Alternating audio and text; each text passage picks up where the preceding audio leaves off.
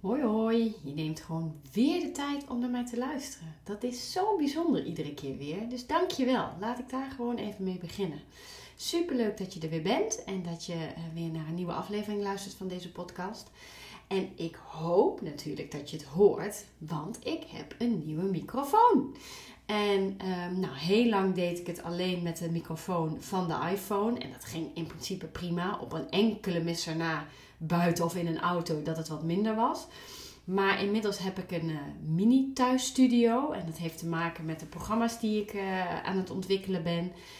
Um, eentje voor het onderwijs, eentje voor ouders. En dan hebben we toch even wat apparatuur nodig die ervoor gaat zorgen dat er gewoon toffe filmpjes komen. Dat jij helemaal online thuis vanuit je luie stoel dingen van me mag gaan leren.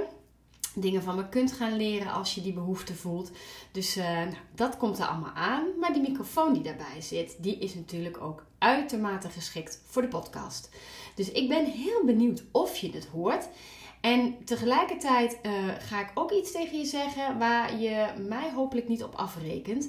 Want het betekent niet dat ik alleen maar keurig in dat mini thuisstudiootje de podcast ga opnemen. Nu vandaag wel. Maar het kan natuurlijk zomaar zijn dat er af en toe weken zijn waarin ik er toch voor kies om in de auto een podcast op te nemen.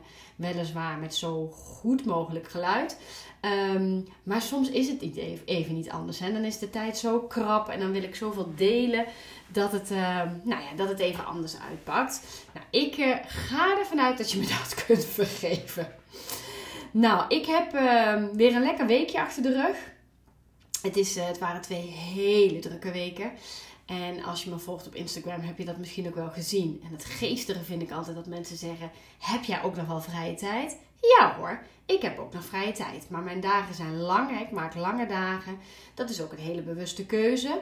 Maar ik zorg er ook echt voor dat ik voldoende ontspanningen heb, voldoende beweeg, goed eet, voldoende rust neem. Dus uh, dank voor alle lieve en bezorgde reacties. Maar het gaat hartstikke goed met mij. Dus uh, helemaal fijn.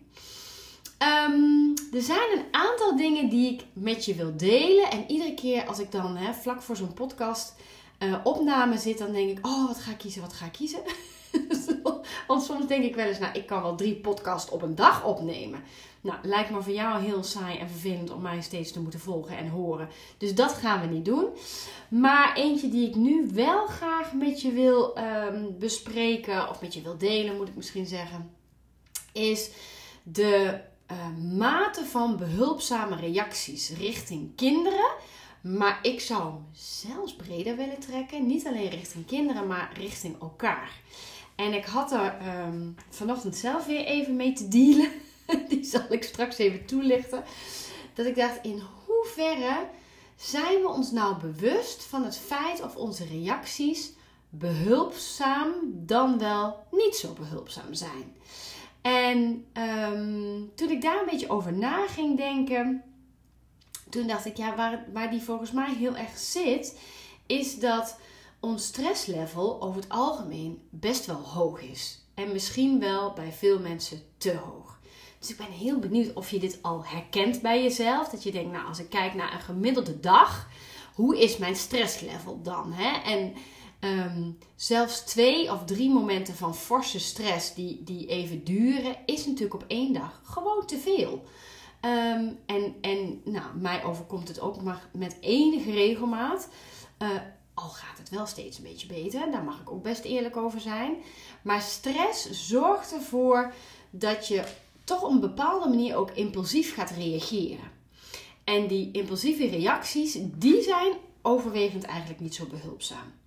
Dus nou, stel je voor, hè, dat, dat stresslevel is al wat hoog. Hè. Misschien is het wel spitsuur bij jou thuis. Of zijn het overgangsmomenten op school uh, waarin er wat, wat stress is. En, um, en je ziet iets gebeuren. Hè? Twee kinderen uh, hebben een discussie of vliegen elkaar in de haren of er ontstaat strijd. Nou kan het zomaar zijn dat jij vanuit jouw hoge stresslevel toch een bepaalde impulsiviteit in je reactie hebt, waardoor wat jij zegt of doet helemaal niet helpend is. En nou hè, jongens, hou daar eens mee op. Dat is natuurlijk een impulsieve reactie die er niet meteen voor gaat zorgen dat het weer pais en vree is. Dat snap jij ook. Dus het is interessant om bij onszelf eens na te gaan in hoeverre kunnen wij ervoor gaan zorgen dat ons stresslevel verlaagd wordt. En ik had een heel erg geestig voorbeeld afgelopen week bij de cursus van Medilex die ik gaf. En ik startte daar met een, ehm, nou, een moment van stilte. Even een moment van rust. Even een paar keer diep ademhalen. En dus even voelen, nou, hè, ik ben in deze ruimte. En nou, hier gaan we dus vandaag doen met elkaar. Laten we ervoor zorgen dat het een zinvolle dag wordt. En een van de leerkrachten die reageerde daarna met: Jeetje, wat zweverig. En uh, het lijkt wel een soort meditatie, vreselijk. En ik moest zo hard lachen. Want dit zegt natuurlijk alles over haar weerstand daarop. Uh, ik zei, ja, eh, weet je, jij geeft de naam meditatie eraan. Iemand anders zegt misschien hè, even een moment van rust of even een moment van contact maken met elkaar, met jezelf. En weer een ander zegt, hè, even lekker ontspannen voordat we hard aan het werk gaan. Het interesseert mij natuurlijk geen drol hoe jij het noemt. Nou, je mag het van mij meditatie noemen, maar je mag het van mij ook iets heel anders noemen. Het gaat er natuurlijk feitelijk om, wat doe je?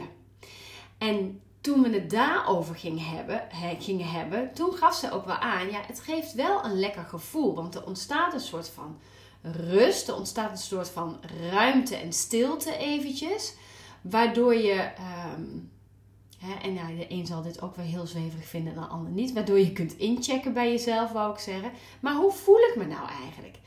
En op dat moment deed ik dat heel erg als voorbeeld om te illustreren dat kinderen soms voordat ze naar school gaan al een hele ochtend erop hebben zitten met wellicht heel veel strijd of gedoe of gelazer of negativiteit.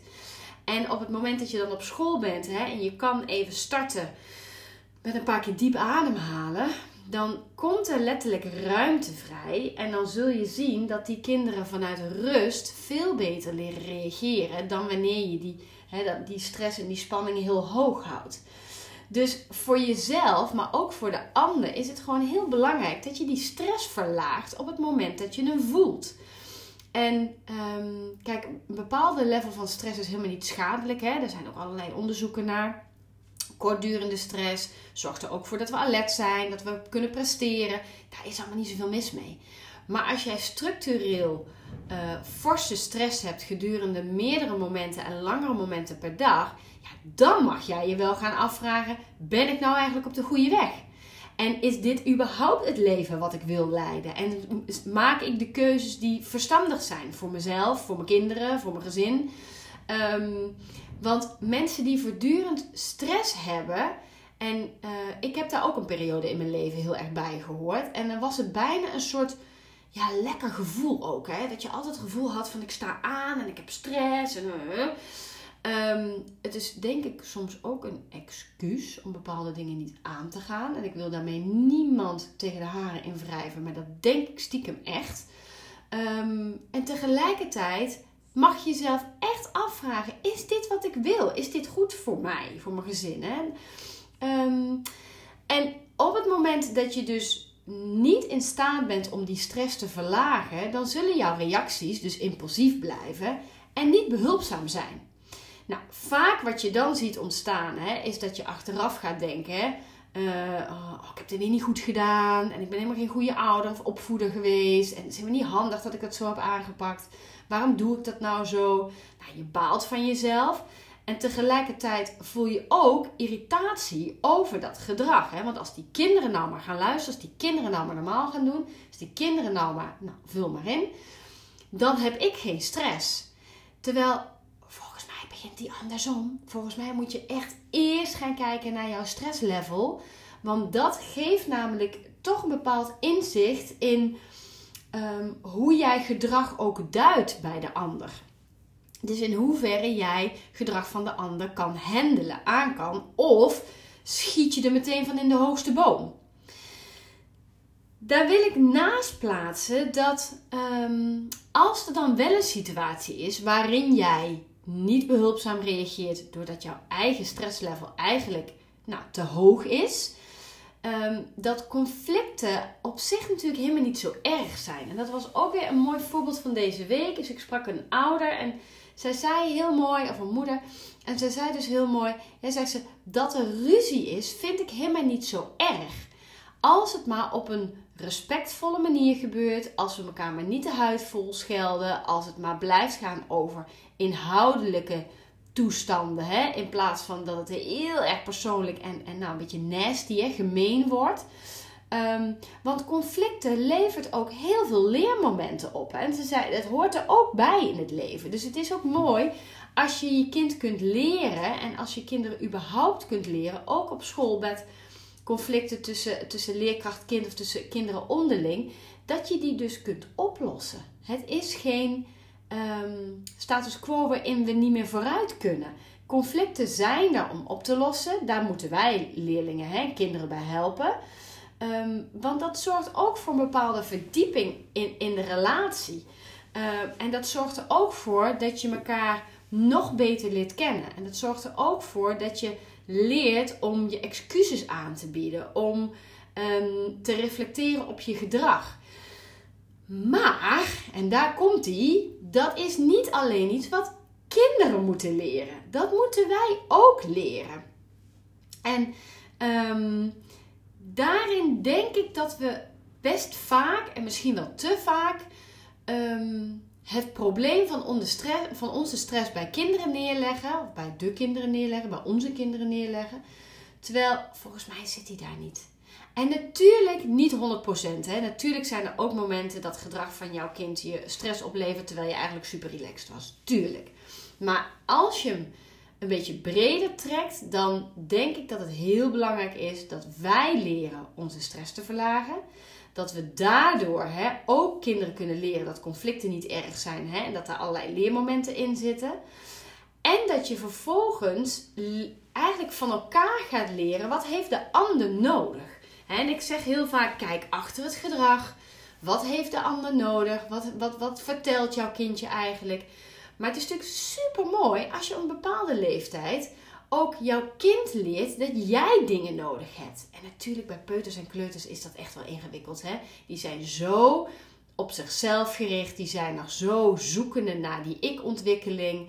Die zijn zo uh, bezig met nou, zichzelf als individu zien. En niet meer zozeer een verlengde van hun opvoeders daar kun je dat nog bijna niet van verwachten. Maar naarmate kinderen ouder worden, dan is het natuurlijk super mooi als je van elkaar leert uh, wat je nodig hebt. En daarin denk ik dat wij ook um, nou, iets voor te leven hebben op dat gebied. En het grappige is dat met name mijn jongste heeft daar echt wel voelsprieten voor.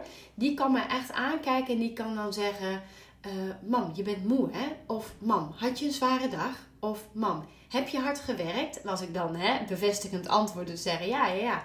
Dan zegt ze ook, ik kan het zien aan jou. Ik denk dat ik even lekker een kopje thee voor je moet zetten. Of hè, misschien moet je even lekker een kop thee zetten. Omdat hij weet dat ja, thee en ik een soort Engelse remedie samen zijn. Thee werkt voor mij altijd stressverlagend.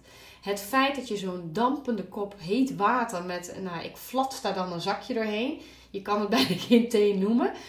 Um, dat werkt voor mij altijd stressverlagend. Dus het is mooi dat hij in de loop van de jaren blijkbaar en dat gezien heeft bij mij, maar dat ik dat wellicht ook wel eens benoemd heb. Oh, even een kopje thee, even tot rust komen.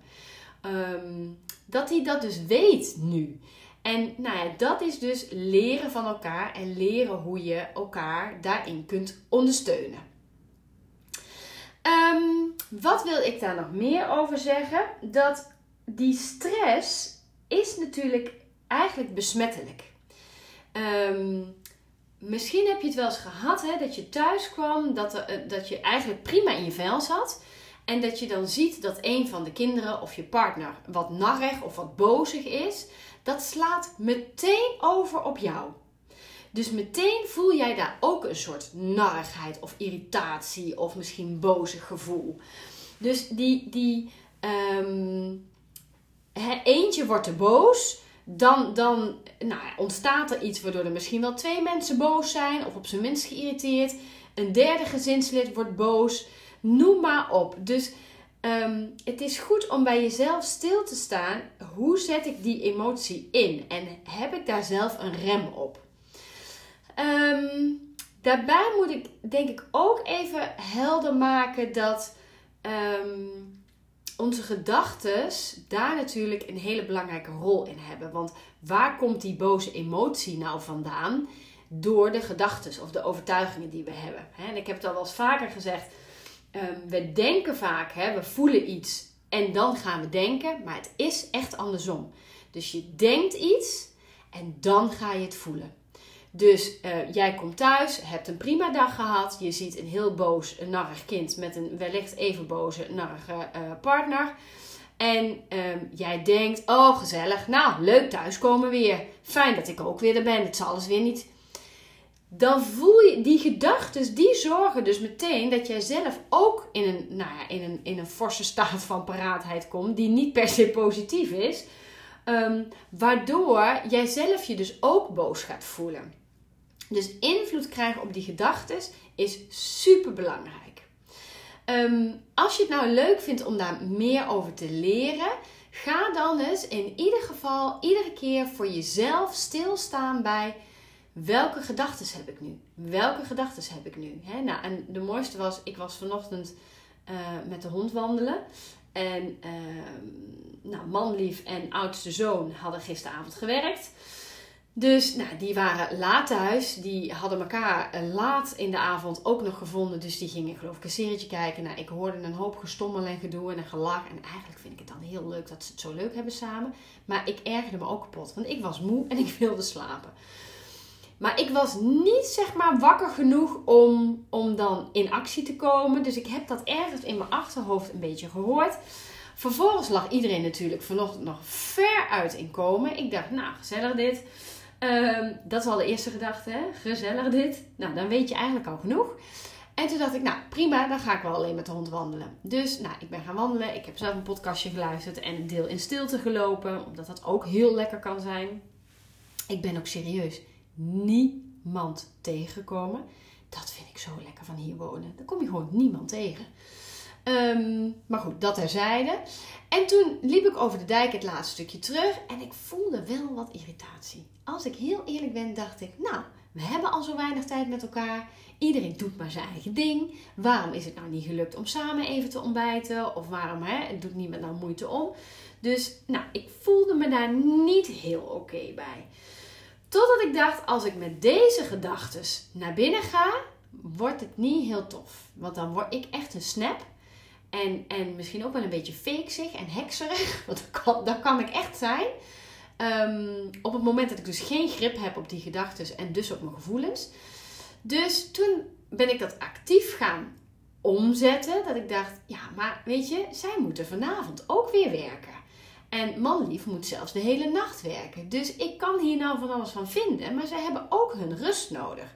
Dus het is mijn behoefte om weer dat samen, samen, samen. Want ik ben zo'n tutmoeder die vindt het heerlijk om allerlei dingen samen te doen. Ehm, en tegelijkertijd dacht ik, ja, maar zij hebben de behoefte om even hun rust te pakken, want ze moeten straks weer in de actie. Nou, alleen dat al zorgde ervoor dat ik een echt andere, enerzijds state of mind had, hè, dus een andere mindset had, maar dat het me ook echt lukte om met een ander gevoel uiteindelijk die sleutel in het slot te steken. Ik heb nog wel iets gezegd, weliswaar met een grap, maar wel iets gezegd over dat ik ze allemaal zou vermoorden als ze nog een keer zoveel lawaai maken s'avonds. Zonder mij te roepen en, en, een wijntje in te schenken. Zoiets maakte ik er geloof ik van. Uh, maar de boodschap was heel helder. Dus hè, dat, dat humor helpt dan ook enorm. En daarna zijn we nog met carnavalspullen in de weer geweest. En was de sfeer echt prima. Dus nou, ik vond dat weer een mooi voorbeeld dat ik dacht, oh ja, daar zit hij dus. Je moet echt daar grip op leren krijgen. Dat wil niet zeggen overigens dat ik vind dat je altijd alles maar moet inslikken of altijd alles maar moet wegwuiven of moet ombuigen. Als, als ik niet oprecht had kunnen denken, maar zij hebben nu hun rust nodig, want zij moeten gewoon vanavond en vannacht weer, dan had ik dat echt wel uh, um, nou, niet zo makkelijk kunnen parkeren. Dat. En had ik daar denk ik wel iets over gezegd. Om, ja, dat het dan ook mijn behoefte is om, het is overigens zondag, om deze zondag ook elkaar even te zien, te spreken, voordat iedereen weer zijn eigen plan gaat trekken. Want dat is nou eenmaal met pubers. Er is er alweer eentje nu naar een schaatsfeestje, die eet ook niet thuis. Nou, die ander gaat om vijf uur werken, of om half zes. Weer een ander gaat dan naar bed, omdat hij om half negen weer naar het werk moet. Ja, dat is gewoon ook ons gezinsleven. En ehm, nou ja, als het me dus echt dwars had gezeten, dan had ik er denk ik zeker wat van gezegd. En vind ik ook niet dat ik al mijn emoties maar weg hoef te wuiven of, of van tafel hoef te vegen. Maar in dit geval was het totaal niet helpend, niet dienend. En ik denk dus dat het heel vaak niet dienend is. En als je daar grip op leert krijgen, dan gaat je dat zoveel opleveren. Want dan ga je echt zien dat jouw stress minder hoog is. Waardoor jouw impulsieve reacties minder zijn. Hè? En, en die impulsieve reacties die zorgen dus eigenlijk voor niet behulpzame reacties.